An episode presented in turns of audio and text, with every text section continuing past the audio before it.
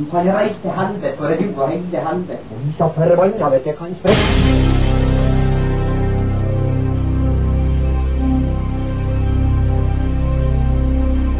Satan og helvete og idioter.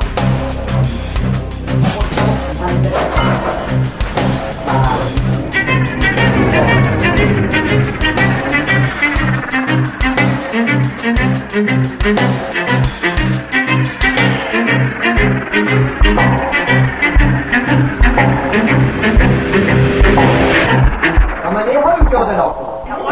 ikke hørt noe. Ja, velkommen til eh, kveldens episode av Tyskerne tilflytteren. I eh, kveld har vi med oss eh, Håkon Skog Erlandsen. Han har jo vært med oss før og fortalt litt om hans eskapader, men av de av dere som ikke har hørt den episoden, så syns jeg dere skal gå og titte litt på den. Håkon kom akkurat hjem fra en kiteekspedisjon fra Grønland, hvor han kita Grønland på langs på sinnssyke 15 dager. Han har vært døden nær flere ganger enn han kan telle. Har Vært eliteutøver i ekstremtriatlon. Holder nå på å klatre toppen av alle sju kontinent. Spilt saks på summit av Everest og er en vaskeekte eventyrer som elsker musikk og jazz. Dette her er en sinnssykt bra episode hvor vi snakker mindre om ekspedisjonene sine og mer om eh, mindsettet og det å faktisk greie det han holder på med. Sit back, relax og hør litt på Håkon Skog Erlandsen. Men før vi begynner, og før du skal få introdusere deg sjøl eh, Lytterne våre kjenner jo deg fra før, da. Så er episoden her eh, er sponsa av Olsen dekk og felg. Eh, De er magisk på dekk. Jeg har akkurat kjøpt nye dekk og felg av de. Det gikk smertefritt og kjapt, som det alltid gjør. Hvis du er på tur og på sommerferie i Norge, som hele Norge er, stikk innom de og få ordentlig service. Og ja, Kjøpte du sånn lavprofil? Sånn supersports... Nei, for, og, og, for her er meg og Håkon litt enig. for jeg har kjøpt meg en ny bil, og jeg tenkte egentlig jeg skulle, at vi skal lage en uh, Instagram-post på det der. Hvilken bil er Martin sin, og hvilken bil er Alex sin? For det, det, det er så enkelt å se hvilken som er din. Jeg, jeg, har, eh, jeg har stikk i strid. Jeg har ikke lav profil, jeg har vel høy profil. Hva vi skal kalle det her? The nerd and the Hunk. Håkon, velkommen. Tusen, tusen hjertelig takk. Ja, Du velkommen har- tilbake. Ja, tilbake, Ja. faktisk. Eh, Du har jo vært ute og reist litt.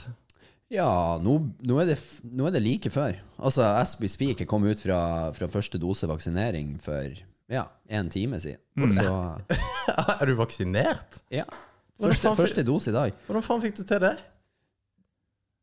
Du er ikke, du er ikke i risikogruppa, Håkon. Du, jeg er absolutt i risikogruppa. Ja, ja, bestandig. Ja, det kan jeg. Ja. Nice. Men jeg er en risiko for andre. Ja, ja, det er litt nettopp. Han her må jo bare gi eh, vaksine. Men du kom hjem til, på for ei uke siden til, eh, til Mo, cirka, ish. Ja, nei, jeg kom jo Ja, for så vidt fra Grønland, så kom jeg vel tilbake da. Så Mm. Livet skjer, så jeg har nå vært rundt og farta i Lofoten og rundt omkring på Helgeland, holdt noen foredrag, og Trondheim, og kommer fra Oslo i morges, og Mm.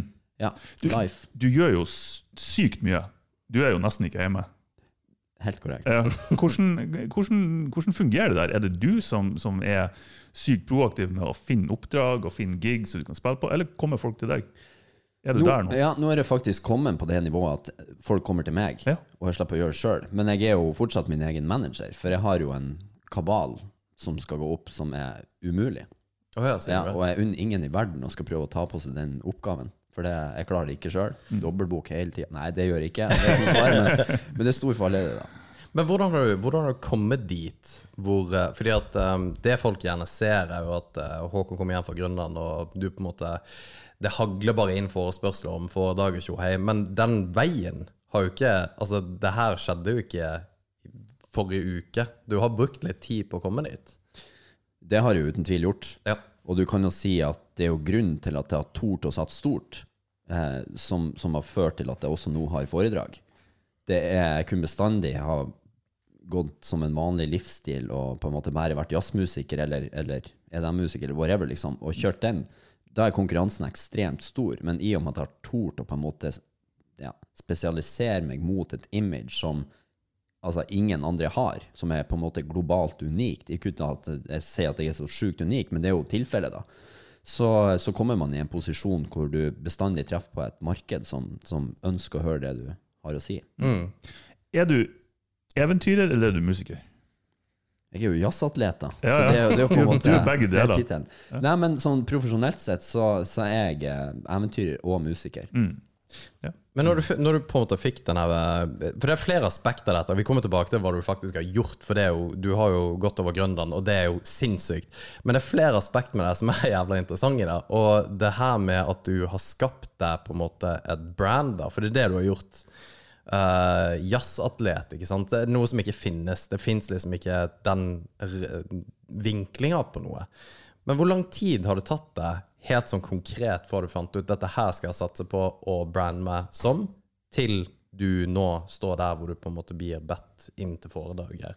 Før du svarer, så husker jeg veldig godt at du sa i et intervju med NRK, tror jeg, for veldig lenge siden, for at du gjør dette her for å uh, leve ditt eget liv, eller bestemme litt over deg sjøl på hva du har lyst til å gjøre. Og det er jo drømmen for veldig mange. Men uh, du, Og det har jo ikke vært enkelt. Men hvor, hvor lang tid tok det, da? Nei, altså For å komme i den posisjonen som jeg er i nå, så har jeg nok brukt eh, Jeg vil nok definere det som ni år, da. Ni år? Ja. Og det starta jo helt tilbake hvor jeg var totalt motsatte og var på tur og, og drikke meg sjøl i senk, ikke sant? Eh, og gjorde et valg der at det er iallfall ikke den veien jeg skal gå. Og så har det jo kanskje eskalert litt ut av proporsjoner, da, men jeg tok iallfall den motsatte veien og begynte med ekstremtriatlon og satset liksom på de hardeste konkurransene i verden for å ha en så ekstrem motpol at det faktisk ble en effekt av det. Det finnes masse musikere som springer maraton og alt det der, og det er for så vidt søtt. Men jo, ikke, ikke at jeg undermine maraton, det er om å sprenge så kjapt som mulig, men, men eh, det er noe med det at, at hvis du skal ha en effekt av det, og du skal forvente å få en effekt av det, så må du også forvente om å pushe deg sjøl så langt ut av komfortsonen at, at du sjøl blir litt overraska. Så det kunne så klart ha, ha sikkert vært en sånn trygg vei hvor jeg har mosjonert litt ved sida og hatt en sånn gjennomsnittlig sunn livsstil, men jeg valgte å ta det såpass langt at jeg kunne på en måte spille på det kortet at det var noe, noe annerledes. Jeg, jeg tenker jo at sunn livsstil eh, er jo én ting, og, og du er jo en sunn og frisk og rask fyr. Men eh, jeg vil ikke påstå det du gjør er sunn livsstil, for det er relativt høy risiko med fare for, eh, fare for liv og helse, egentlig. Ja, altså, du kan egentlig si at eh, jo mer ekstremt det blir, da, jo tryggere jeg føler jeg meg. Og det, det, handler ikke, det handler om måten man, man evner å takle risiko da, etter de her ni årene, hvor jeg har funnet ut nøyaktig hvor mye kroppen min tåler. Ikke bare på å sprenge deg et maraton, hvis det er referansepunktet, men hvor mye han tåler hver eneste dag eh, over tid. Og det er jo det som etter hvert vil definere hvor hardt du kan pushe deg sjøl, og sette rammen da, for en lengre ekspedisjon, f.eks.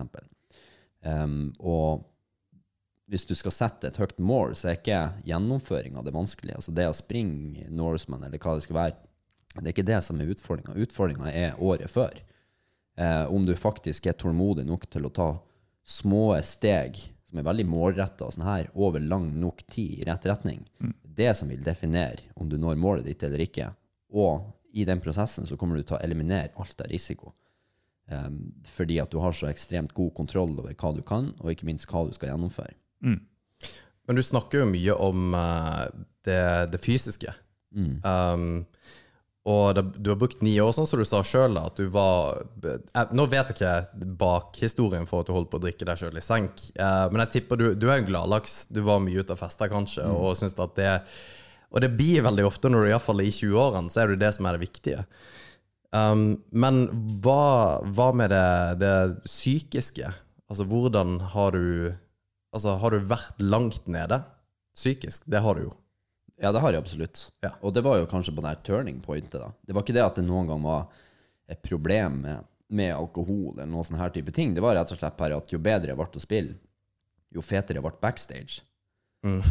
jo, og, og det på en måte, det blir, det blir vanskelig når din jobb er å lage en så god fest som mulig. Så er du på en måte nødt til å være han som er best å feste. Ja. Det er jo ikke noe, det, det er jo sånn det er. Du er en hare for, for, en, for en god fest. da. Men det er klart den trøkken som du får når du innser at det her kanskje ikke går helt, da, den realitetstvisten som du får, den er ganske heftig sånn, sånn mentalt. Um, det skal jeg innrømme. Og det er klart, de ni årene her har jo vært ni år i usikkerhet.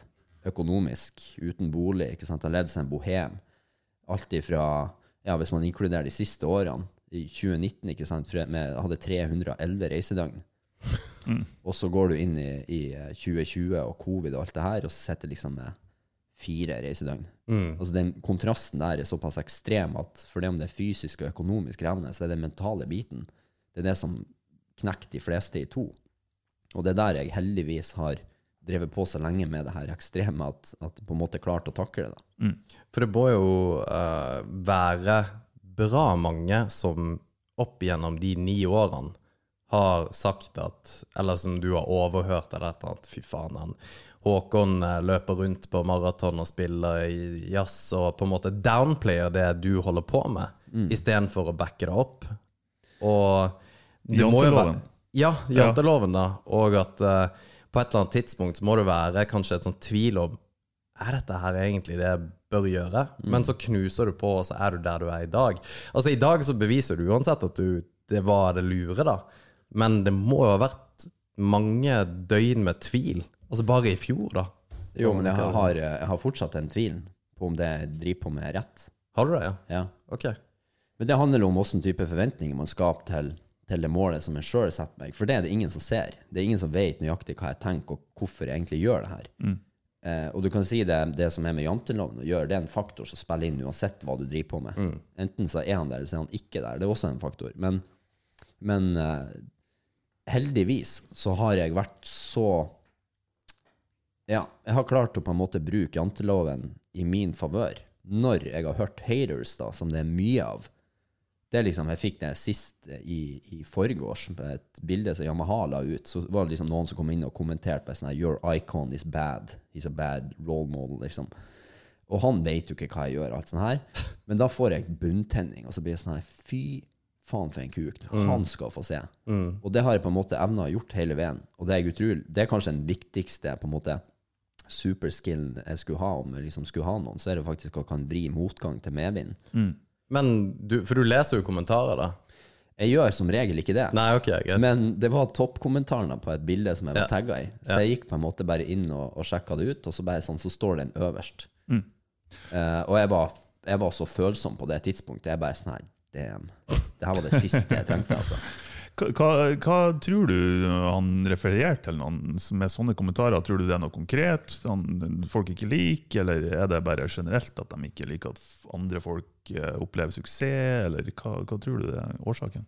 Det er jo uvitenhet. Ja. Det er jo, det er jo uh, uvitenhet, og så er det jo uh, den personen da har jo prøvd å ikke finne ut hvem det er, for da kan det gå for langt. Men, men, uh, men det er jo en person da som sliter med sitt eget altså sin egen selvoppfatning. da, Kanskje sliter med å sette seg mål, ser at andre gjør det, og så er hans eneste måte det som å gjøre som mobbere gjør. ikke sant? Trykke ned andre for å føle seg sjøl bedre. Og det, det er så utrolig viktig å forstå på en måte den der sosiale mentaliteten rundt åssen folk tenker, da. spesielt folk som kanskje føler at de ikke når opp, folk som ikke presterer. Det, det går utover andre, da. Men når på en måte i roll circles back, så blir det jo på en måte Det, det er jo da man, man faller. Så det er liksom man er nødt til å se hele den der, for janteloven den kommer til å følge med resten av livet, uansett hva jeg driver på med. Altså Det finnes sikkert folk som, som har David Attenborough, men det, men det er jo snakk Nei, det om går ikke an. Nei, ja, men, det, Garantert. er det, Ja, ja, ja, liksom. Men, men det er snakk om at det er uvitenhet. De vet ikke hva de driver på med, og så har de bare så feil sett med, med, med historikk at de klarer ikke å se hva som er bra. Du, når du sier at du fortsatt tviler på om det du gjør, eller eh, det du har gjort, har vært rett, hva, hva er det egentlig du tviler på? da? Hva er det du er på en måte bekymra for er konsekvensen? La oss si at du har gjort noe feil. Hva vil konsekvensen av det ha vært? Kan du sette ord på det? Det vil nok være at jeg eh, Det største største fallhøyden i mine øyne er at jeg ikke klarer å leve opp til mine egne forventninger. Så det har ikke noe med andre å gjøre, det, det er dine egne Man har jo så klart en viss følelse at, at man, man føler at man feiler hvis man ikke lever opp til, til andre, men hvis det er parametrene dine igjen, så er du på feil kurs uansett hva du driver på med. Så man er nødt til å på en måte ta litt sånn her egoistisk mål, eller temperatur, da, på hva enn man egentlig prøver å gjøre. Og så ser, vi, så ser jeg jo gang etter gang da, at tida Jeg har jo bare 24 timer i døgnet og må jo sove en time eller to. Så, så det er liksom tida renner ifra meg. Det er konstant underskudd på konto. Jeg ser vennene mine kjøpe seg hus, de får kid. Det er, liksom, det er fine biler. Jeg får nå kjøre den gamle transporten som drikker to liter olje på 25 mil. Liksom. Så det er liksom den der loopen der, da. Har jeg på en måte vært feil? Burde jeg ha vært litt på en måte mer ja, tradisjonell og, og vært det vanlige A4-liv, da. Eh, det er det man kjenner på hele tida. Jeg konkluderer jo hver gang med at nei, jeg tror faktisk ikke det. Men det er en evig debatt. Den der skjønner jeg jævlig godt. For vi har hatt diskusjoner om det. Ja, vi, vi har det med Martin eh, på, på selvfølgelig et litt annet nivå, men det, det er det her med uh, å ta det tradisjonelle valget. Um, og vi var inne på det i stad, også før vi begynte. Så, så Jeg har jo kjøpt meg en ny bil, og så sa du 'pengfolk', ja. og så sa jeg jo at eh, jeg bruk, når eh, jeg har fri, eller fri, når ikke jeg har eh, familie og unger som sitter og jobber med ja, hele døgnet mens du er ute og lever livet. Og det er jo sånn jeg ser det, ikke sant? Og det, det er jo selvfølgelig lopsided så det holder etter, fordi at du sliter jo og har dine ting, og det, det er jo ikke sånn at livet ditt er dans på roser hele tida heller, men det, du lever jo et liv som ekstremt mange sannsynligvis er veldig misunnelige på. Sånn som han fucktarden da, som sier liksom uh, 'he's bad'. Altså, hvordan faen skal han vite det? Nei, det, det er klart eh, Det er jo det som er man, man kan ikke se på de. Men det er også det er jo et sett med Eller det handler om hvordan man ser på ting, da. For ja, kanskje de fleste syns at jeg lever drømmen. Men når du sier du kjøper deg en fin bil, jeg hopper inn i din Polestar Jeg er litt sånn her Det hadde vært koselig å kunne kjørt til Trondheim uten frykten for å dø. Men for det, det på en Ja. måte Altså, ting endrer seg hele tida. Ja. Og ja, kanskje folk liksom Ja, ok, kult, nå har han kita på langs og Grønland. Stilig. Det hørtes artig ut. Ja, det er 40 minus, det. I, i Altså hele tida. Det, du må drite ute i motvind, og det er Du spiser real turmat hele tida, og det er det, det er pain. Det er frostskader. Jeg sitter med frostskader på her nå, kjenner ikke den. På, ha det på fingrene. Liksom. Det er ganske mye smerte, da. Så det er liksom snakk om å på en måte grave litt dypere i, i hva er på en måte min drøm, da? Hva er det dere tror som er min drøm? Min drøm skjer ikke før jeg klarer å forvalte det her kunstnerisk. Det er da jeg endelig på en måte tenker at wow, I made it. Ja, jeg tenker at altså, Problemet i, i sånne, med sånne folk er at de, de ser jo egentlig kun målet. Og det det du, det du er når du er kommet i mål. Men eh, veien opp til målet er det jo sjelden folk som, som tenker seg om eh, hva den innebærer, og hvilke utfordringer som har vært på den veien. Eh, og det gjelder jo hva som helst, egentlig. Eh, så eh, ja, jeg tror, jeg tror ikke vi slipper unna den type tankegang, egentlig. Nei, og alle har den, uansett hvilken type jobb man har. Noen kommer til å se på deg som om du lever drømmelivet. Noen kommer til å se ned på deg. Det er bare snakk om hvem man er. Jeg var og spilla på, på ja, kanskje Norges dyreste bolig i går. Eh, skal ikke si hvem det var, men, men han kosta en plass mellom 400 og 500 millioner. Det er ikke noe tvil om at den personen Her på Mo, eller? Nei, det var nok litt lenger sørpå. Men det er ikke noe tvil om at den personen har veldig mye som folk definerer som drømmen. Men når jeg møter denne personen og tar han i handa, eller bumpfista som vi må gjøre nå, og ser han inn i øynene, så kan jeg ikke Jeg kjenner ikke en plass i kroppen at liksom, det er det her jeg virkelig Nei. ønsker. Mm. For det er, det, det er en desperasjon mot å konstant må bevise noe, tjene mer penger. Så det er jo det som skjer. Ja, ja, ja. Uansett om du har en milliard, det første du vil ha, er jo to milliarder. Mm. Så det er bare snakk om, om målestokk, da. Men det, det, det var egentlig det jeg hadde litt lyst til å spørre deg om i stad. Um, og vi kommer inn på det du har gjort, og det må jeg for så vidt gjøre helt i starten her nå. Men eh, når du sier liksom målet ditt, um, når du treffer målet ditt Og jeg tror vi har vært innom det før forrige episode, for du ute og snakker om den fyren som har en milliard, han vil ha to. Vet du hva målet ditt er? Når er du fornøyd? Nei, nei ikke sant? Så, så uansett, jo sjukere det blir, og jo mer du gjør, blir du mer fornøyd? Jeg føler at, at eh, nå har jeg satt meg et sett med, med ting jeg har lyst til å gjennomføre. Og, og sånn som drømmen min, er per nå, så er det å kan få fri eh, etter hvert.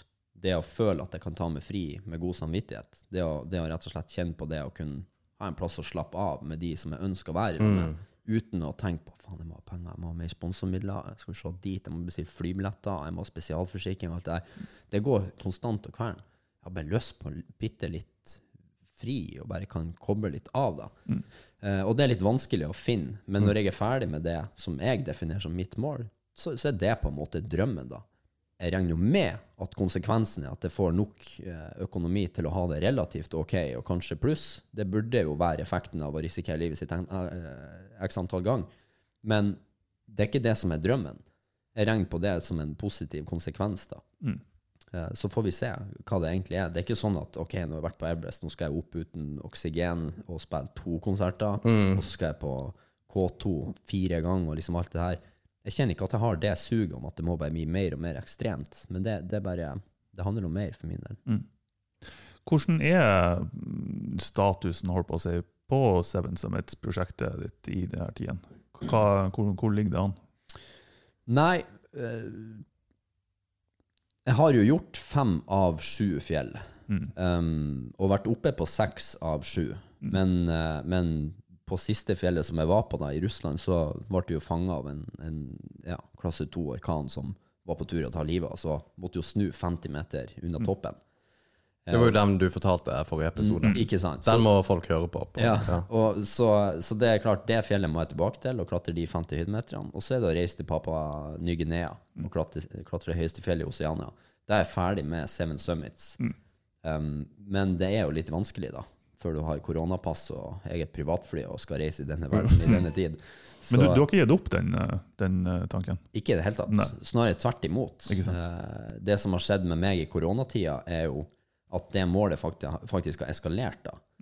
Um, og, og det handler litt sånn om, om hvordan er man i stand til å gjøre det man, man er. Jeg mener at de fleste kunne absolutt ha gjort det som jeg driver på med, men, men man må på en måte forstå hva det er man må ofre.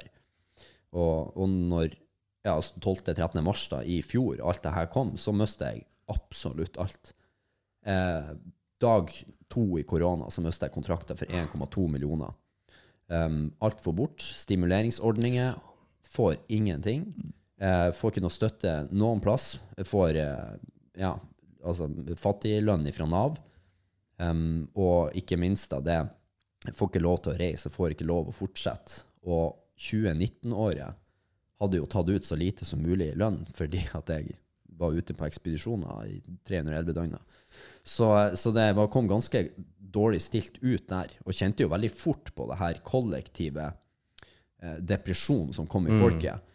Og ikke minst, eh, man er nødt til å også vri det motsatt av den kollektive gleden av å endelig ha ei unnskyldning til å ikke gjøre noe.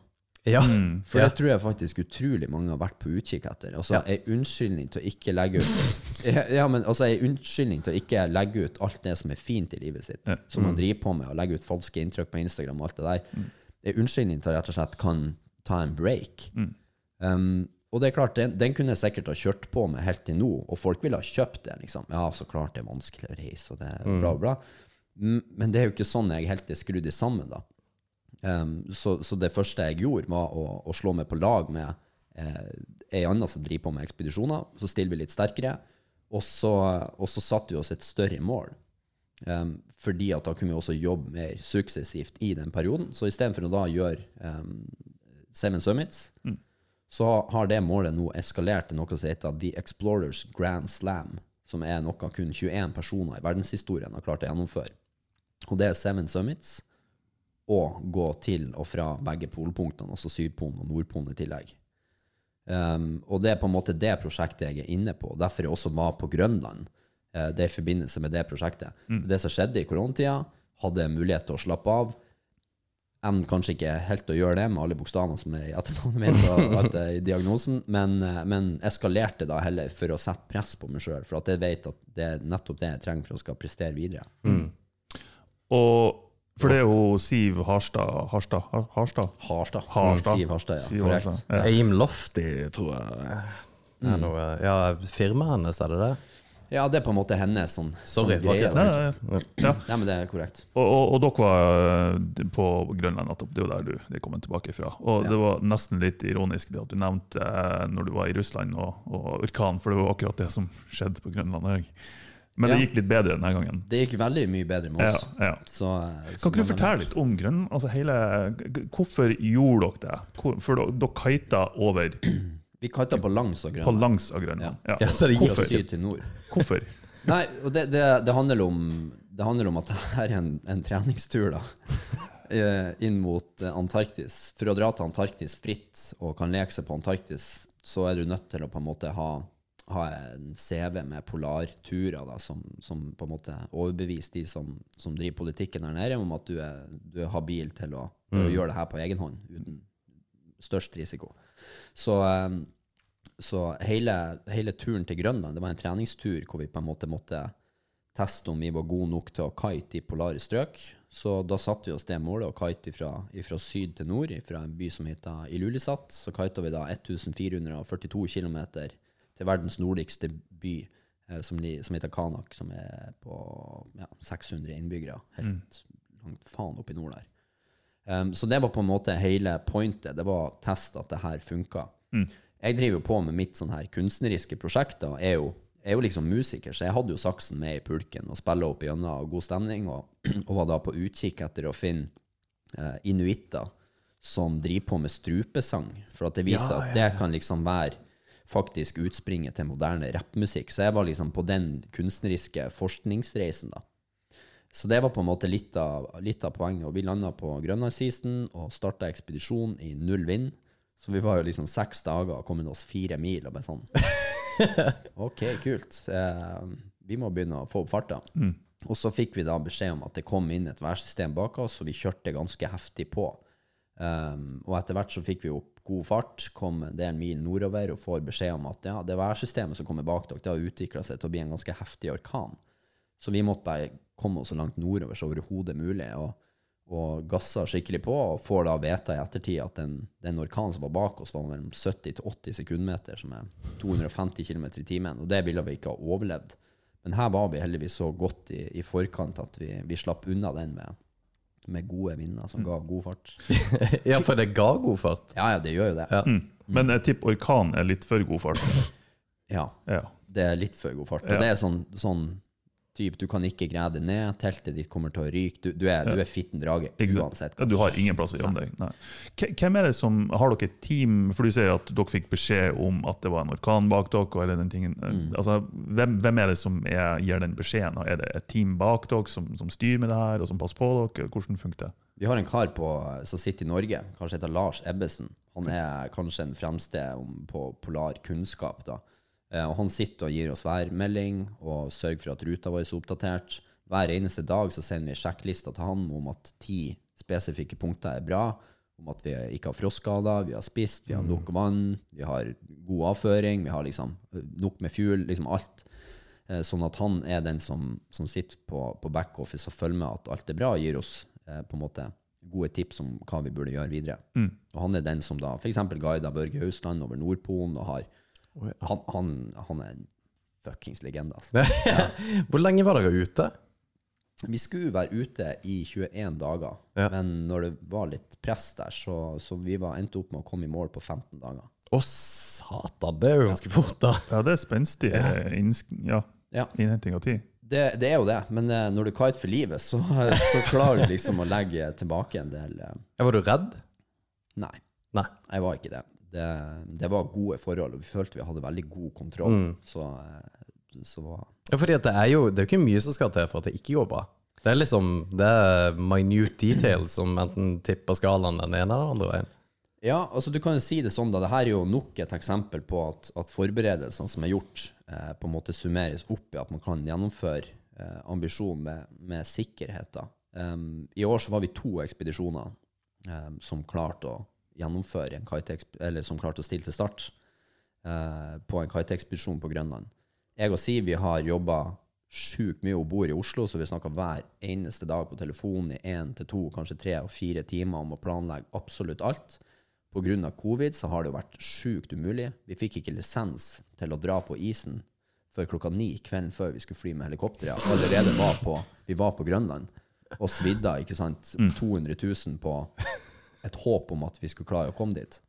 Men, eh, men eh, vi kom oss på isen, og bare resultatet av de forberedelsene som vi har gjort, gjorde at vi, vi klarte å gjennomføre utrolig bra. Eh, mens den andre ekspedisjonen gikk, gikk rett til helvete. Eh, og utrolig trist historie, egentlig, hvor, hvor, for det første så blir de fanga i, i øyet av den orkanen som vi fikk bak oss. Da var de heldigvis Det er jo sånne satellittstasjoner over Grønland fra andre verdenskrig. Så de har klart å ta inn på en av de her. Um, og uansett om de var innendørs, så var de nødt til å krype langs gulvet for å, for å ikke ja, Å, bli kasta i veggen og, og dø. Og da, da er du inne i store murbygninger, liksom. Så det var ei dør som var åpen. Så det var, de var heldige og klarte å finne de stasjonene. Um, og så hadde vi gjort veldig godt research i forhold til åssen rute vi burde gjøre, åssen høyde burde holde for å holde unna bresprekker og sånn her, og, og har mye gode folk i vårt nettverk til, til å gjøre gode beslutninger. Så vi gjorde det utrolig bra.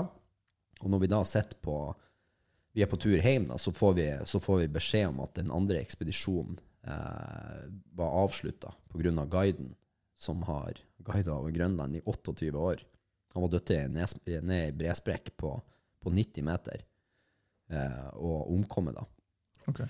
Og han, eh, han har ikke daua i fallet, men eh, når redningshelikopteret kom, så var bresprekka så dyp at, eh, at de hadde ikke langt nok tau i helikopteret.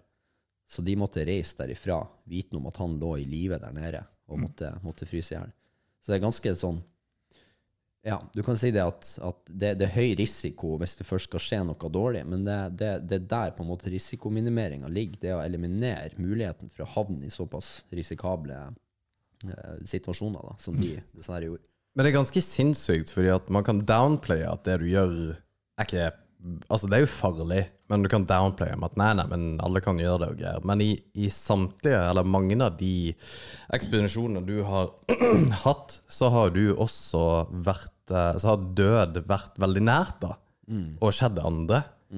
Eh, og at han som har guida i 28 år, eh, dør. Det er jo ikke Ja, selvfølgelig, det er jo litt tilfeldigheter, men at det, det, det er ganske voldsomt òg, uansett. Det legger liksom ganske mye trøkk på hvor heftig det dere gjør, egentlig er. Det er liksom ikke Det å kite over Grønland høres jo helt sinnssykt ut, men det er så forbanna mye mer sinnssykt enn man tror. Det er liksom Ja. Ja, det er en heftig opplevelse, uten tvil. Eh, og du kan jo si det sånn at, at i forberedelsene som vi gjorde, så er jo vi jo fjellklatrere, begge jeg og Siv. Eh, så vi har jo gjort mye av den type ekspedisjoner. Der er det en del dødsfall. Jeg vil ikke se på det som risikabelt, for at jeg vet nok informasjon til hvorfor de skjer. Og det vil vi, spesielt jeg som på en måte norsk friluftsentusiast og, og eventyrer, da, jeg vil ha rutiner på det som, som er sjølsagt i fjellet, som, at, som gjør at jeg kan unngå de fleste av dem. Mens i polare ekspedisjoner så er det litt andre faktorer som spiller inn. For det er, det er på en måte syke over tid som er utfordringa der. Jeg sto jo 15 dager i strekk og så kun skituppene mine. Så jo ingenting annet. Altså, det, var, det var hvitt, blå himmel når det var god stemning, og så var det skituppene mine. Det var den eneste kontrasten jeg hadde. Jesus. Og det, er liksom, det, det, opp, altså det, det setter ikke perspektiv før etter 15 dager, når jeg ser min første stein. Så var jeg helt sånn her tårevåt og bare Nei. ja, men det, det, er jo en, det er jo en stein. Så fint, liksom. Og det, det, det setter jo ting midt i perspektiv, da. Ja. Hvor langt borte man har vært.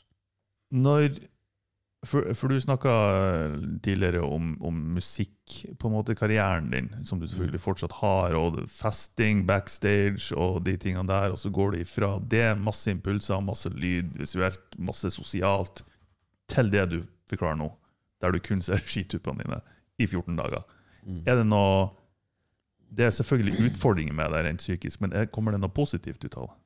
Er det, er det behagelig på et vis på eh, andre områder? Det er, jo, det er jo den største øvelsen innenfor mindfulness du kan finne på å gjøre. altså, du kan Wim Hoff deg i hjel, men, men det du driver på med der, det, du går så dypt inn i sjela at det er det, det er helt sjukt. Altså, folk, folk nå til dags, man har liksom ikke tid å tenke. Man har ikke tid å sette seg ned for at det popper inn en snap eller et eller annet. Prøv å sette deg ute i skauen i én time uten å gjøre noen ting. Bare la tankene flyte rundt omkring. Det kommer til å skje magiske ting. Gjør du det ofte? Jeg har jo gjort det i 40 dager i Ja, strekk. ja, I, nei, ikke på ekspedisjon. Ah, Men i forkant av det så gjorde jeg prosjekter hvor jeg hver eneste dag over 40 dager satt meg ned én time kun for å tenke. Og det handler om at man er nødt til å la hjernen sin sortere de inntrykkene man har. Og det er dritkjedelig. Altså pisse kjedelig de ti første dagene. Og så kommer du inn i en sånn her at ok, det her begynner å bli stilig, da, for han har sortert ting, så hver enkeltidé kan han på en måte leke mer med. Du klarer å tenke mye større rundt ett konsept enn hvis det er 100 forskjellige andre ting han har i bakhodet som han ligger og kverner på. Så det har vært en utrolig fin øvelse. Og så ble det jo eksamen da, på, på, på Grønland, hvor, hvor jeg virkelig klarte å nyte ekspedisjonen. Eh, og det var faktisk det var på siste dag jeg hørte på musikk mens jeg kita eh, for første gang på den ekspedisjonen. Å, satan. Og det var litt digg, da, for at jeg hadde så mye, jeg hadde så mye fint inni meg. Sortert unna mye dritt. Og så hadde jeg så mye gode følelser og, og, og opplevelser underveis da, at jeg hadde liksom ikke behov for å sette på noen chill vibes og, og den stemninga borti gjennom. Jeg hadde heller lyst til å ha det stille og høre hva Nå høres det her veldig sjukt ut, da, men, men jeg hadde lyst til å høre hva naturen hadde å si for noe. da. Det høres ikke sjukt ut i det hele tatt. Nei, jeg, jeg får håpe det, for at det, det, er liksom, det er jo akkurat det jeg tror flere burde gjøre mer. da. Ja, det tror jeg. Og så kan det bli oppfatta som sånn new age og hele pakka, men det, det er jo det vi burde gjøre. Eh, fordi at vi er jo vi er jo avhengig av telefoner og notifications og hele pakka. Og sånn som du sier da, at når du, kommer, når du ser en stein, hvordan var det å komme tilbake til samfunnet hvor alle er opptatt av det? Og TikToker og Instagram og på en måte bare sansene. Total overload etter å ha gått og sett skituppene inn i 15 dager. Hvordan var det?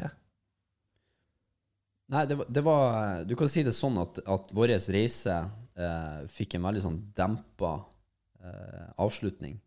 Og det var, det var litt digg, da. Kom tilbake ned til, til vannet, eh, ned til havet igjen. Og der, der var det så mye overvann at vi kunne ikke kite videre. Så de siste par milene så måtte vi sitte på hundeslede med noe sånn her eh, inuittiske sånn fangstfolk.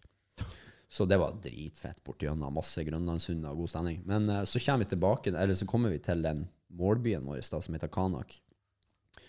Og da kommer du til den, den delen av verden som lever mer sånn som vi burde gjøre. Som så klart er kanskje veldig mange år tilbake ut ifra det samfunnet som vi er, er vant med, men der er de fangstfolk. De jobber med jakt, narhval og isbjørn og sel og alt det her. Så lager de kunst av det. De, for, de forvalter hvert et eneste ledd av dyret, selger det videre. Det er én butikk, det er ett fly som går der hver uke. That's it, på en måte. Og det var utrolig nydelig å komme dit, for da fikk det bare var ekspedisjonen fortsette. Men så kommer du på en måte tilbake til, til helvete. Eh, reis tilbake til Norge, og pga. én times stopp i Danmark på en tom flyplass, så måtte jeg jo tre dager inn på, på karantenehotell. Og her kommer jeg liksom ifra sterile områder oppe på en isbre og blir pakka inn på et karantenehotell med basically folk fra hele verden. Og du drar og går og tar på samme håndtak, og du hører bare språk rundt omkring. Du forstår at du kommer til et system som er på tur å sprekke, liksom, med, med tanke på ja, situasjonen man egentlig har rømt litt ifra. Da. Så, og, og da blir inntrykkene ganske heftige. Og du havner på en liten sånn type depresjon, og det er ikke uvanlig. Gjør det som regel etter hver ekspedisjon. Jeg vet den kommer, men klarer ikke å, å komme unna den. Okay. Men det, det handler om at, om at når du er så langt borte, altså dagene går sakte når du kite og ser hvitt eh, hver eneste dag. Og du forventer jo at du kommer tilbake til et samfunn som har endra seg bitte litt. Hva skjer en damn shit? Du kommer tilbake, du treffer, du treffer folk, du hører ja, hva som har skjedd i samfunnet, hva dere har gjort i det siste. Nei, har du vært på jobb, liksom? Og, og alt det der. Det har ikke skjedd noen ting. Nei. Mens jeg har vært ute og prøvd å realisere mine egne drømmer, så har på en måte samfunnet fortsatt stått stille, og det er veldig få som gjør noe med det. For at det er sånn her unnskyldningskort med covid og sånn her, så det ble litt sånn forsterka effekt. Men da møter du litt den her Ja, du møter mange holdninger, du møter mye motivasjon, og så møter du mye motstand med, med jantelovfolk og alt det her, og så, og så går det på en liten smell, da. Og det tar litt tid før han kommer over. Men det er bare å sitte inne og få ned litt rødt i glasset og meditere. Er det noe for, for jeg har hørt enkelte snakk altså som er ute på ekspedisjon, sånn som deg, og eh, altså andre typer ekspedisjoner, så klart, men de har en, en ny Enkelte av dem har sagt at de har fått en sånn ny, ny, nyvunnet respekt eller takknemlighet for liksom det, det samfunnet som vi har, med moderne fasiliteter, og bare det å komme og kunne ta en dusj og sånne ting.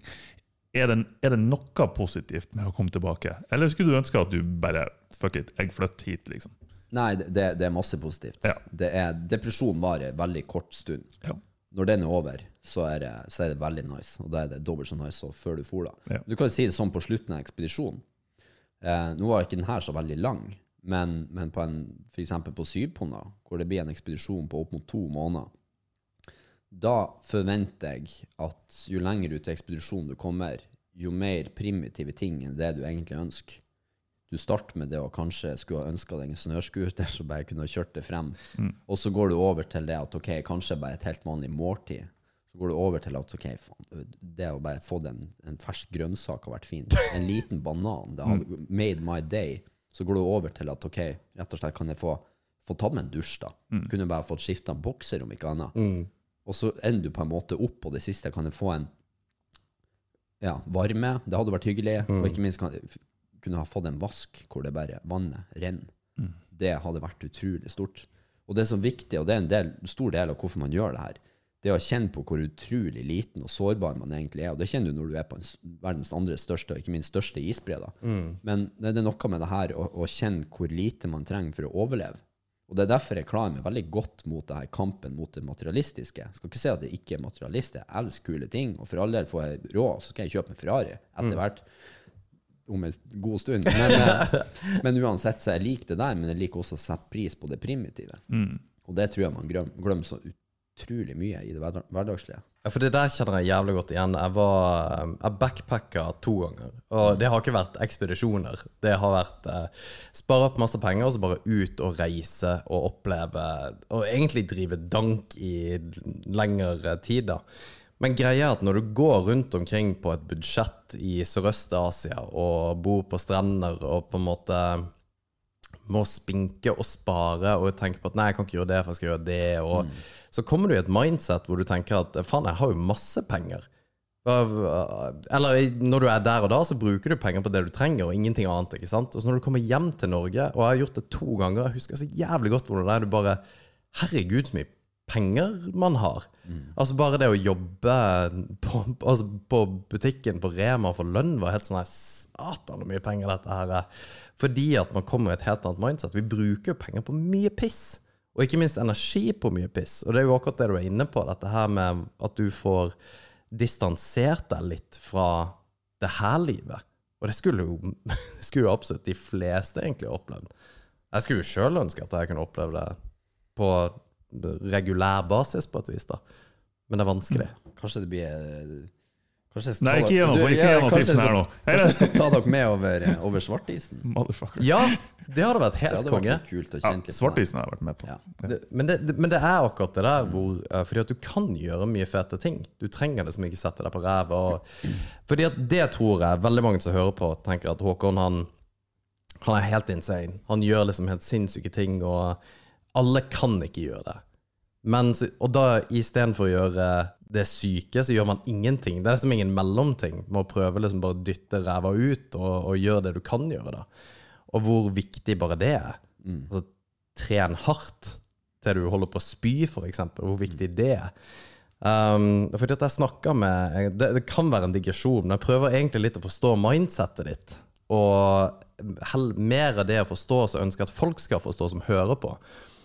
Og det er Vi har holdt på med kampsport. Jeg har en kompis jeg ringte i Trondheim som har holdt på med kampsport veldig lenge og trent med Emil og på en måte tenkt skal jeg dra til UFC, skal jeg liksom nå på toppen. Og det er ekstremt få som gjør det. Det er veldig mange som trener, men det er veldig få som prøver liksom å nå det ultimate, som du gjør.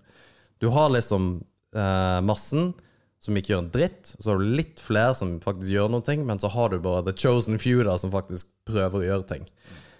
Og når du, når du har vært og smakt på det der hvor du på en måte kan være på toppen, så kommer du aldri til å gi deg til å være borti det.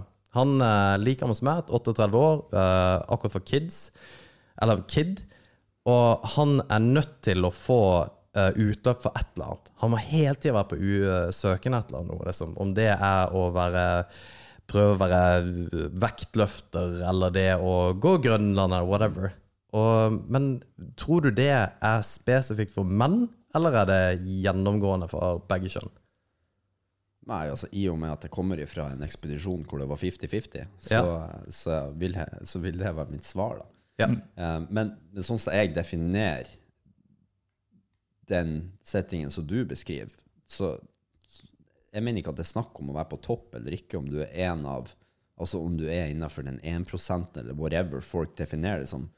For meg så er ikke det det handler om. Det, det handler om å ha en gnist, det å ha en passion, det å føle at det du faktisk driver på med, er verdt the suffering. For jeg tenker motpolen til det jeg gjør, er å sette meg ned i en jobb som jeg ikke har lyst til å gjøre. For meg så er det det største mareritt i hele verden. Og det handler ikke om at jeg, at jeg ikke respekterer det, for det gjør jeg uten tvil. Men det handler om at det er ikke det som er min passion. Hvis du ikke finner din passion, eller på en måte din, din, ditt purpose, så må man endres. Og det, det handler om at med en gang du har funnet ut hva det kan være, så vil du forstå hvor mye potensial du har. Og jeg tror det er den følelsen man ikke gir slipp på. Det er ikke nødvendigvis det å komme til UFC eller komme på toppen av Everest. Men det er det å føle at ok, hver dag så har jeg lyst til å stå opp én time tidligere, for at det er der målet, det er der, det er det jeg skal nå. Og det er en sånn gnist i øynene som, som veldig, veldig få egentlig tør å kjenne på. da. Men når man først klarer å engasjere den flammen, så vil han aldri blåse ut. Og det, uansett hva du driver på med, så tror jeg du må ha en sånn type faktor i livet ditt som, som holder ting spennende. Og for all del, det kan godt være en kontorjobb. Det er ikke det det er snakk om. Men, men man er nødt til å ha et sånn element da, som, som gjør at du feel excited. Du, du nevnte at, at du på en måte aldri kunne egentlig ha hatt en kontorjobb og, og vært fornøyd med det. eh, Og det er jo en, en helt legitim sak. Men det er derfor jeg tenkte litt tilbake på det du sa eh, tidligere, med at du hadde noen tanker om at kanskje jeg har gjort feil valg, eller at du tviler litt på deg sjøl. Men hvis man da prøver å sette, i, i, sette deg i den situasjonen, at la oss si at du har hatt en kontorjobb og gått for den, kontra det du har nå, ha, har, du, har du klart det, tror du? Det valget kunne ikke jeg ha tatt nå. Det valget måtte jeg ha tatt for Jo, når jeg var 15. ja. Men tror du at du har Jeg tror jeg ville hatt samme passion innenfor et eller annet hvis jeg Ja. hadde funnet en grunn til det. Ikke sant? Men, men det er på en måte der det ligger. da. Altså det, det, det, er ikke noe, det er ikke noe forskjell mellom, mellom det å nå Everest og bygge opp en gründerbedrift. Det er en fysisk forskjell, men jeg tror en sånn mental forskjell er ganske liten. Den er relativt marginal, for det krever samme type antall timer. Så, altså sånn ish, da. Iallfall hvor mye du klarer å tyne ut av døgnet. Og, og så kommer du til å være avhengig av å ha en slags visjon om hva det er du prøver å ønske å oppnå, eh, som kommer til å være lik det å faktisk se en veldig sånn visuell summit. Da. Så, så det Det der likte jeg. Ja, jeg, jeg tror nok jeg ville på en måte kunne ha gjort det.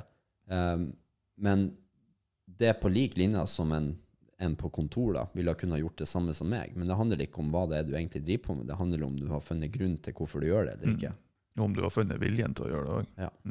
Men det å finne sin visuelle summit, kan hvem som helst finne det? Tror du alle på en måte har det i seg? Ja, uten tvil. Ja. Uten tvil. Det, det, jeg, jeg vil ikke klare å respektere en person som sier at de ikke har det, eller som ikke tror de kan finne det. Men det handler om hvordan man justerer nivåene, eller ambisjonen ut ifra, if- ifra kompetanse. Altså hva er det du faktisk kan evne å gjøre? Hva er ditt eh, mulighetspotensial, rent fysisk og mentalt? da? Der er man ulik. Der må du regne med arv, miljø, genetikk, fysikk, kjønn. Det, altså alle faktorer spiller inn der. Men det er der du må justere. Og det er klart, de som overshooter, de kommer til å konkludere med at nei, jeg kan ikke finne min Everest. Mens de som kanskje klarer å justere det ned til det som faktisk kan bli en virkelighet, de vil ha funnet sin Everest. da. Og der er det kun unnskyldninger som står i veien. Jeg tror, jeg tror det har med det å gjøre akkurat det du sier, at, eh, at man har forskjellige mål, at man må innse at man har forskjellige nivå. Eh, Det innebærer jo òg at man må ta ansvar for å ikke undershoot, men også ikke overshoot nødvendigvis. Eh, Men om målet er å på en måte ha en ekspedisjon, så, så kan det like så godt være til Hauknesstind. Det, det må ikke være til Grønland. Ikke i det hele tatt. Man kan få kan, minst like mye glede, det vet jeg ikke om det blir rett å si, men man kan få masse glede av bare å komme seg utfor døra, hvis det man er vant med, er å ha vært inne på sofaen hele tida. Nettopp. Det, han, det handler om hva som er utgangspunktet, og jeg tror absolutt at opplevelsen til Økningsstigen kan bli like god som Everest. Men det krever kanskje at utgangspunktet er, er litt annerledes. Jo, klart. Og, og det liksom Det vil være enormt. enormt. Altså, tenk på, på Lars Monsen, da, som hadde, tok med de her opp til Snøhetta, de her eh, Ja, de som Ja, var funksjonshemma, ikke sant? Ja. For en reise de hadde. Jeg er nesten brennsikker på at de fleste av dem slet mer enn det jeg gjorde opp til Everest. Ja. Og kanskje at følelsen dem, deres ved å komme på toppen var mest sannsynlig kanskje større. Tror jeg. Og det handler om, om, om, om hvilke forutsetninger man har for å begynne reisen mot sitt eget definerte mål. Da. Jeg digger dette her. Um, og det er litt uh, fordi at vi, vi starta podkasten og begynte å prate litt om hvem du er, og mindsettet ditt er det pakka. Og dette her viser en side der, Håkon, uh, som er jævlig interessant, fordi du tenker litt utover på en måte dine mål. Og, for det, det prater du mye om, fordi at det er interessant. Du gjør mye kult, så det er det vi på en måte vil vite. Men du snakker med nå å se på motivasjon og de tingene du gjør i et bredere perspektiv på hvordan man sjøl kan gjøre det. Om man er overvektig og vil gå opp til Hauknestind, som Martin sier, at det faktisk kan være din Everest da, på et vis, og at det kan også gi deg like mye glede som når du var på Everest. Mm. Jeg syns det er jævlig kult sagt, og på en måte din visuelle summit, da. Og at det er en sånn greie. Er det en greie du på en måte har med deg i uh, foredragene? Ikke nødvendigvis, Nei. men, eh, men eh, ja, jeg har sagt det en par ganger, liksom, hva er ditt Everest? Ja. Det er kanskje ganske klisjé, men hvis du ikke evner å se symbolikken i det, så er det you're bad, på en måte. men, men, men, det er liksom det som er greia. Altså, alle, har, alle har en mulighet til det der, mm. og, og, det kan jeg supportere. Det kan jeg støtte under. Jeg tror kanskje der mange oppfatter meg feil, da, det at jeg, jeg, jeg klarer ikke å respektere unnskyldningen som kommer for å ikke skal finne den alle de som klarer å diske opp unnskyldninger som de tror andre faktisk gives a shit about, but we don't. Mm. Um, det er de der jeg ikke helt takler. Og jeg, jeg, klarer ikke å være i et sånn type miljø hvor det på en måte er akseptert. Det å tenke over det. Hvor jævla mange folk sier ikke nå at nei, de skal gjøre ditt, de skal gjøre datt, og så skjer det aldri. Mm. Det løftet tror de kanskje at de gir, gir overfor de som som de snakker med. Det er jo et løfte de gir overfor seg sjøl. Mm. Tenk hvor mange ganger man skuffer seg sjøl mm. med å si ting til andre, og så klarer de ikke å gjennomføre. Og så tror man kanskje at people gives a shit. Men det er liksom det her sjølrespekten som man glemmer. Og, og, der har jeg faktisk, hvis jeg skal rose meg sjøl for én ting, så har jeg vært cocky. Jeg har gått ut og sett at jeg skulle spille konsert på toppen av Everest. Bla, bla. Kom mye kommentarer på det, så klart. Men det har faen meg gjennomført. Og det er på en måte det er mer for min egen sjølrespekt enn det er for å prove them wrong. Og det er der jeg tror man må evne å justere ambisjonen etter det man faktisk kan gjennomføre. Og så være litt realistisk. Tenk rasjonelt med hva er faktisk mulighetsrommet her. Mm. Og der tror jeg mange kjøper feil inspirasjon eh, på Instagram, på YouTube. Og tror at alle, alle, skal bli en vlogger eller whatever modell og, og hele den greia der. Det er der man må justere litt på. Du fremstår som en mye mer sympatisk fyr Jeg kjenner jo ikke deg veldig godt, Håkon. Vi kjenner hverandre sånn ish. Men fra første gang vi prata sammen uh, Og det er ikke det at uh, Jeg syns det var helt konge, men du, du, fremstår mye mer på en måte sympatisk, da. Empatisk, og tenker litt over implikasjoner som utover deg sjøl, da. Um, som jeg syns uh, Det er veldig bemerkelsesverdig å sitte her og prate med deg om det, fordi at uh, du, du, du tenker Eh, du snakker ikke i tredjeperson, du, du tenker på en måte hvordan folk rundt deg kan få til akkurat det du gjør. Og det har du sagt veldig mye gjennom hele samtalen her nå. Det, det, er interessant. Og du har, uh, du har fått deg kjæreste. Det er helt korrekt. Ja. Det, er jo, det, er jo, det, er jo, den største ekspedisjonen jeg noen gang har gitt ut på. Det er jo helt sjukt. Men har det hatt en medvirkende faktor fordi at eh, du kanskje tenker på den måten? Eller eller det kan være jeg tar feil òg, for den saks skyld. Ja, tenk du på den måten? Ja, ja, mm. Nei, men det har, vært, det, har litt, det har, vært, litt, kult, da. For det har vært ei side av meg som jeg har vært å ignorere ganske lenge. Jeg har slitt med å finne det pga. at jeg har hatt en livsstil som ikke har gått overens med det. Det fører til at du får dårlig sjølbilde. Mm. Det fører til at bla, bla, bla. Uh, så det, det, har vært et jævla sånn sårt punkt. Og jeg skal være veldig ærlig og innrømme at det har også vært en veldig sånn god motivasjon for å overprestere på det jeg driver på med overfor meg sjøl. Det å ha nok respekt for meg sjøl, at jeg skal iallfall vise meg sjøl at jeg kan nå toppen av verden. da. Det, mm. det er ikke noe feil med, med, det, i alle fall. Så det har vært en liten sånn her boost, da. At jeg aldri klarte å finne kjærlighet. Og jeg trodde jo at det på en måte var helt ubrukelig på den sida. Men, men, så kommer man i en posisjon hvor man faktisk får også den gleden. Og det tar egentlig bare summen av det man driver på med, til en ny dimensjon. Og det handler om hva skjer når du faktisk begynner å nå målene dine? Du kommer til UFC, ikke sant? Du klarer det. Dæven, hvor trist hvis du, må, hvis du ikke har noen å dele med. Ja. For, og da, kan du få, da tror jeg du kan få en ekstrem depresjon. Mm. Og sånn er det typ, sånn skuespillere som f.eks. gjør det bra. Vennene tror det er opptatt hele tida. Jeg får det nå. Og ikke at jeg er noen celebritet i hele tatt, men jeg får det nå. For at folk tror at jeg er så sjukt opptatt at jeg ikke har tid å komme på besøk. Jeg merker at folk ringer mindre, eh, færre folk tar kontakt. Og på en måte summen av jeg tør å satse som jeg gjør, gjør at folk tar distanse ifra deg. Og fra mitt perspektiv så ønsker jeg jo egentlig bare å ha et nettverk hvor folk er glad i å dele med. Mens det har jeg ikke hatt på veldig lenge. Så klart nærmeste familie og den slags, men, men eh, nå har jeg faktisk da fått en person som, som, eh, som obviously liker meg mer enn snittet, og det er jo kjempehyggelig. Men jeg setter også utrolig pris på å dele det jeg gjør med, med henne. Det syns jeg er utrolig fint, for at det er på en måte et nytt element i hvorfor gjør man det her. Jo, ikke bare for å vise at det er mulig, men også for å faktisk ha en story å telle de du er glad, glad i. da. Kjenner du på din egen dødelighet mer nå enn det du har gjort før? Nei. Hvorfor måtte du tenke? For jeg forsto ikke spørsmålet. Nei, nei men det, og det er legit. Fordi at um, Og det, det kan være at det, blir, det er litt absurd, men når du får kids, så gjør du det. Ja. Altså, da tenker du bare på når du skal ned skibakken, Ja. at uh, du knekker du noe, så er det ille, liksom. Men uh, du kjenner ikke på noe mer at, uh, at det er farligere å være ute, eller at uh, det, er liksom, det du driver med, er farlig, fordi at det er faktisk noen som venter på deg hjemme, på et vis. Jo, altså, sånn sett så gjør jeg det, men, men det ligger ikke en konkret ekspedisjon. Altså selve gjennomførelsen av en ekspedisjon er aldri det jeg har definert som skummel eller farlig. For det er forberedelsene som definerer altså det er det som definerer om det går bra eller ikke. Og det er heller det arbeidet som la oss si har gjort meg udødelig, da, kontra at jeg føler frykten for døden når jeg er ute på ekspedisjon.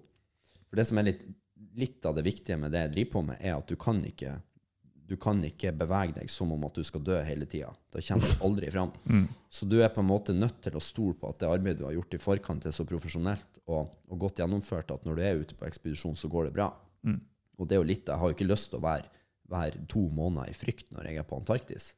Jeg var litt det på, på Grønland, for der var det litt sånn isbjørner og greier. Og det har ikke jeg Jeg hadde aldri skutt med gevær før. Og litt sånn Damn, hvor skal jeg skyte? Og, Men dere hadde med våpen, ja. Vi hadde med altså. Selvfølgelig. Ja. Det er man vel Så, kanskje pliktig til, eller jeg vet ikke. Jo, jeg tror det er lurt. Ja. Ja. Men eh, Nei, det, det, det endrer en del perspektiv, da. Og, og det tillater meg å Eller det presser meg til å bli mer følsom. Og det, og det tror jeg er en veldig viktig, viktig egenskap man burde ha, uansett hva man driver på med.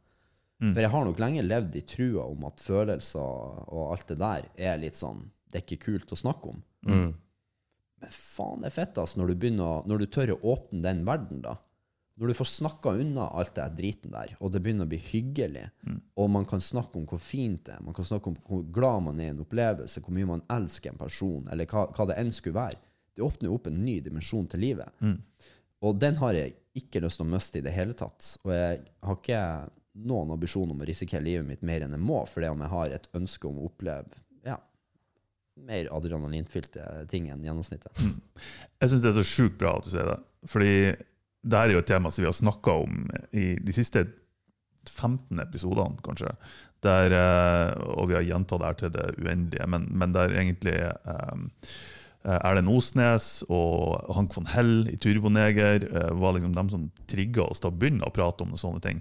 Og vi har vært innom de her temaene med hvorfor det er så tabu for spesielt mannfolk å snakke om følelser, liksom være åpen og ærlig, og, og faktisk, som du sier, synes at det er faktisk ganske digg.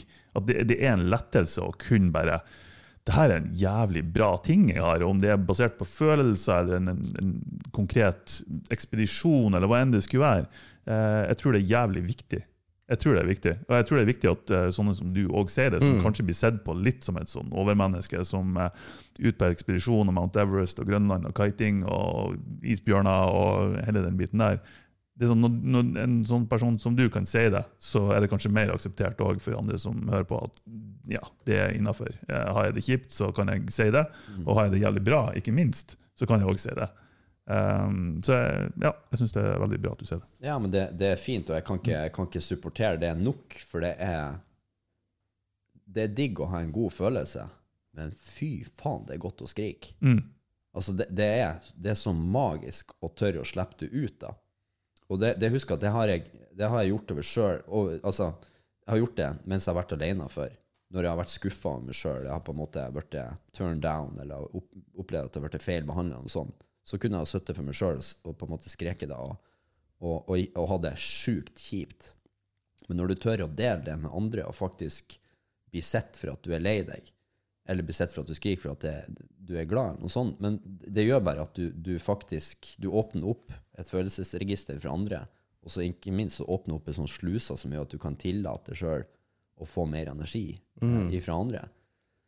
Og jeg tror det, det, det, som har med følelser å gjøre, det har med, det har med, med ja, altså sjølinnsikt å gjøre. Det har, det har om sjøltillit kanskje for det meste å gjøre. Tørr å vise følelser. Mm. Og jeg er så glad for at det begynner å bli allment akseptert. For det her ja, visjonen som folk kanskje har om de som egentlig klatrer Everest, altså en stor eh, ja, muskuløs mann som doser gjennom alt og aldri skriker og spiser jern til frokost, den finnes ikke.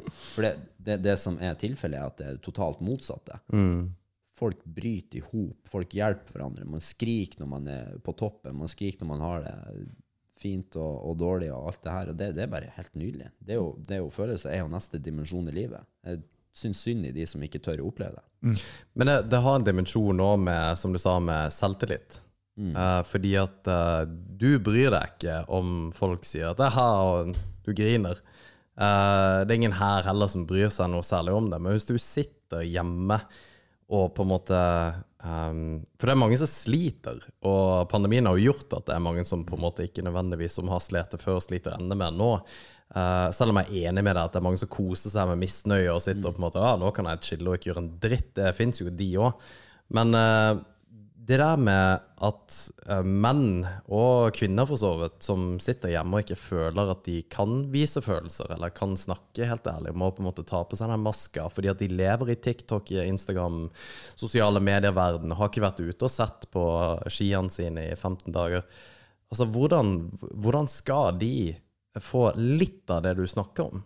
Hvordan, litt klarhet, uh, litt på en måte, litt mer en touch med seg sjøl? Jeg tror det handler om, jeg tror det handler om sjølrespekt. Altså hvis du ikke har sjølrespekt nok til å tillate sjøl å være sårbar, mm. så jeg kan ikke gi noe svar på det. Det, det, er rett og slett det er så irrasjonelt i, i min verden som jeg har opplevd nå, da, at, at, jeg kan ikke gi noe råd på det. Så vær respekt deg sjøl, rett og slett? Ja, respekter deg sjøl til å være ærlig mot ja. deg sjøl. Men det er klart, jeg har jo vært der hvor jeg ikke har syns det har vært kult å skreke, og skjult alle mine følelser. Og så måtte jeg jo kanskje gjøre jævla mye ekstreme ting da, for å få sjøltilliten nok for å åpne opp. da. Mm. Nå har jeg funnet den. Så hvis det er noen som skal ta et eller annet ifra det Du trenger ikke dra på Everest for at du skal tørre å skrike, liksom. Fucking do it. Det kommer til å være amazing. Mm. Ja. Så, så, det Nei, jeg, jeg, er glad for at det, den er borte. At det åpner opp for det. Jeg, jeg, tror òg at uh, det som du sier, det har med sjølrespekt å gjøre òg, men jeg tror òg det har med hvem man omgås, og hvordan de aksepterer uh, den personen som man er. Uh, om det er å vise følelser på den måten, så respekterer de det. Mm. og så er det jo en terskel å komme over, for spesielt hos mannfolk så er det jo litt tabu og den biten der, og, og man kan om man blir gjort litt narr av eller whatever, hvis man nå, hvis man nå viser de følelsene, så, så Kanskje man kan være den første som tar det steget, og kanskje kommer det noen etter. Eh, for det gjør det som regel, eh, når de ser at det, det er akseptert. Eh, ja, og, og, og, jeg tror også det igjen handler om sjølrespekt. For hvis du ja. omgås med folk som ikke tillater deg å skrike, ja. så har du, da har du ikke mye sjølrespekt altså, med, med, overfor ansvaret for hvem du, du velger å, å, bruke tida med. Ja, helt klart. Og det, det, jeg tenkte litt på det òg, at uh, før Alex, du nevnte med, med med Håkon og, og um, partner mm. eh, i livet nå. Om man kjenner mer på sin egen dødelighet og de tingene der. Men det er jo òg eh, Jeg vil jo tro i hvert fall at hun, hun vet jo hvem hun, hvem hun har gått inn i et forhold med, og har respekt for det du gjør, og for deg som person. ikke sant? Eh, så selv om det selvfølgelig er en utrygghet der, vil jeg tro, fra, fra hennes side, hvis du får ut på en ekspedisjon, så, så, er det jo en respekt der likevel. Eh, og, og, det gjelder jo uansett om det er en partner eller venner eller familie mm. eller alle tre. Ja, det, det, er helt korrekt. Jeg tror hun har tatt seg litt vann over hodet. Men jeg skal, jeg skal være på, på, Vi må justert inn ting der. Men det handler ikke bare om at hun skal venne seg på hva det er jeg skal gjøre. Jeg tror det er like mye motsatt. da. Mm. Og jeg tror litt av det fine som jeg opplever nå, er at jeg blir på en måte tvungen til å ha fritid. Jeg blir tvungen til å slappe av. For hvis jeg ikke gjør det, så kommer jeg til å være den verste personen i verden og må, slå opp med meg med en gang. Men det syns jeg er veldig fint òg. Så det har vært en sånn veldig god motpol mot det jeg driver på med ellers. Så, så for min del så har det bare åpna opp en ny verden. Men du snakka sist om at uh, du skulle til verdensrommet. Er det on the table ennå? Det har jeg ikke lov å snakke om. Konge. Så, det, eh, det betyr jo ja. Um, nei, det, det Ja, jeg skal ikke si noen ting, men jeg setter veldig stort pris på, på tipset du ga meg der. Så det blir en episode tre, med andre. From space. Det er så bra at du ikke kan si noe, vet du. Jeg ser det på hele det. Neste, neste Håkon-episode det blir live from space. Å, satan. Det hadde vært artig, Awesome. altså. Skål, gutter. Nei, veldig, veldig bra. Um, jeg tror vi skal runde av. Um, det, det er jo helt magisk. Dette ble en litt annen episode enn jeg faktisk hadde trodd. Um, fordi at eh, jeg hadde egentlig litt eh, vi- skulle liksom snakke med deg, og du har jo mye som skjer, men jeg syns uansett at det er utrolig interessant å teppe litt inn på uh, hva som skjer liksom i hodet det mentale, og, og ikke minst at uh, man kan motiveres av å gå Hauknestind. Som for de som ikke bor i Rana, så er det en, uh, er det en fjelltur.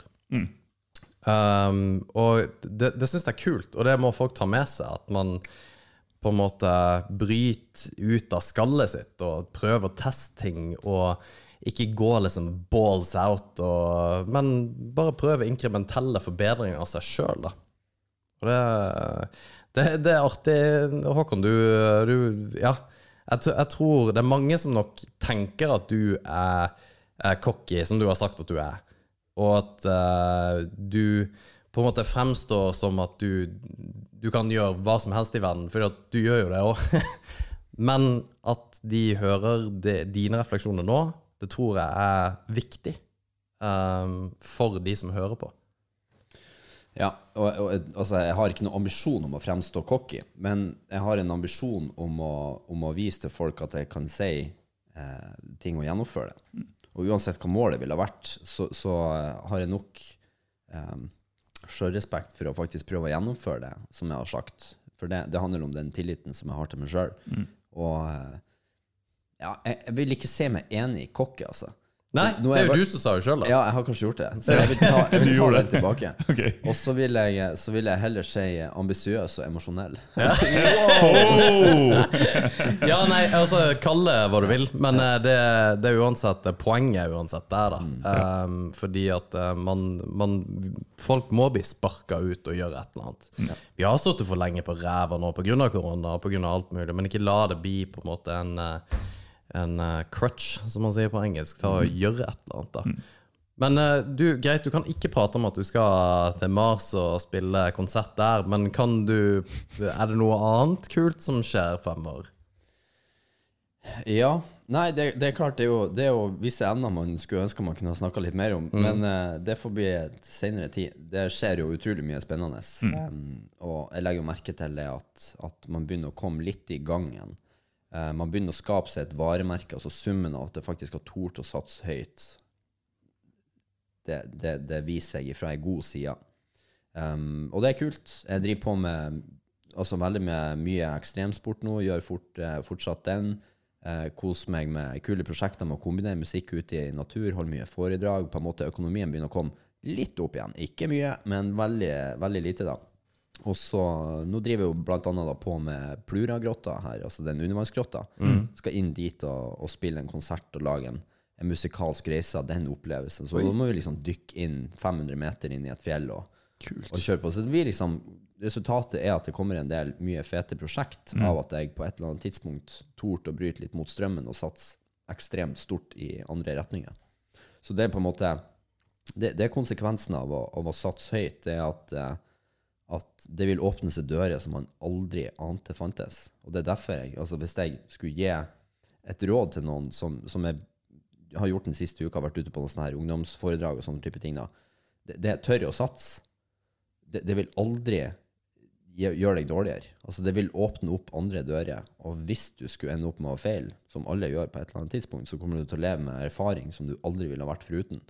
Så det er liksom Smeller går man på hele tida. Jeg går på de sikkert daglig. Men det er da jeg på en måte lærer, da. Man kan ikke lære uten å feile. Nei, Det er faktisk hadde, umulig. Og her er en kul sak. Jeg var, var oppe i Lofoten og, og fløy en sånn vinge, og så krasja jeg i en fjellvegg i, i jævlig høy hastighet oppe på Store Trolltind. Det er sånn by the way, liksom. Ja, og, så, eh, og, så, og det var på tur. Det var liksom en inch from my life. Det var, det var helt sjukt. Nå i helga? Nei, 7. oktober. Ja, jeg husker veldig godt. Og liksom eh, ja, bresta ankelen, ødela kne og, og forstua hofta litt sånne her type ting. Det var ganske heftig. Og så kom jeg ned til eh, Så jeg måtte jo fly ned av fjellet, for at jeg kunne ikke gå ned. Så jeg, måtte, liksom, jeg hadde ett run igjen, så jeg fikk opp vingen og fløy ned og kra- krasjlanda i fjæra. Så ble jeg henta med en båt, og så tilbake til noen folk. Og der eh, de jeg var på tur med, han ene var styre, styreleder i Spotify og douchebag. Han er en jævlig smart type. Og så kommer han den, eh, og så sier han bare eh, Du, Håkon. Jeg, jeg, jeg, jeg, må sitere en, en smart fyr som en gang sa eh, Good judgment comes from experience. And experience comes from bad judgment. Ja. Så det har jeg rett og slett tatovert opp ned eh, på, rett under brystkassa, sånn at jeg kun sjøl kan lese det. Så den drar jeg opp en gang iblant og på en måte minner meg sjøl på at uh, you need to fuck shit up to, to learn. Det digger jeg, altså. Ja, det, det er faktisk litt kult. Det, det, det. Vet du forresten hvem Jeb Corliss er for noen? Det navnet har jeg hørt før. Ja, han er en sånn wingsuit-dude. Ja, ja, ja, ja, ja, ja. Ja, Han hadde en lignende ulykke. Han knuste vel begge fotene. Han skulle Ja. fly over en sånn eh, Han snerta kant, og ja. Mm. snerta han så begge føttene bare bam! Ja. Fri for føttene, altså. Ja. Det var det jeg så for meg når du begynte å fortelle historien. Bare å nei, å nei, å nei. ja, men du kan jo daue. Det er jo det som er tingen. Det, Ja. Ja, ja. ja. ja. Det, det skjer fort. Prøv å unngå det.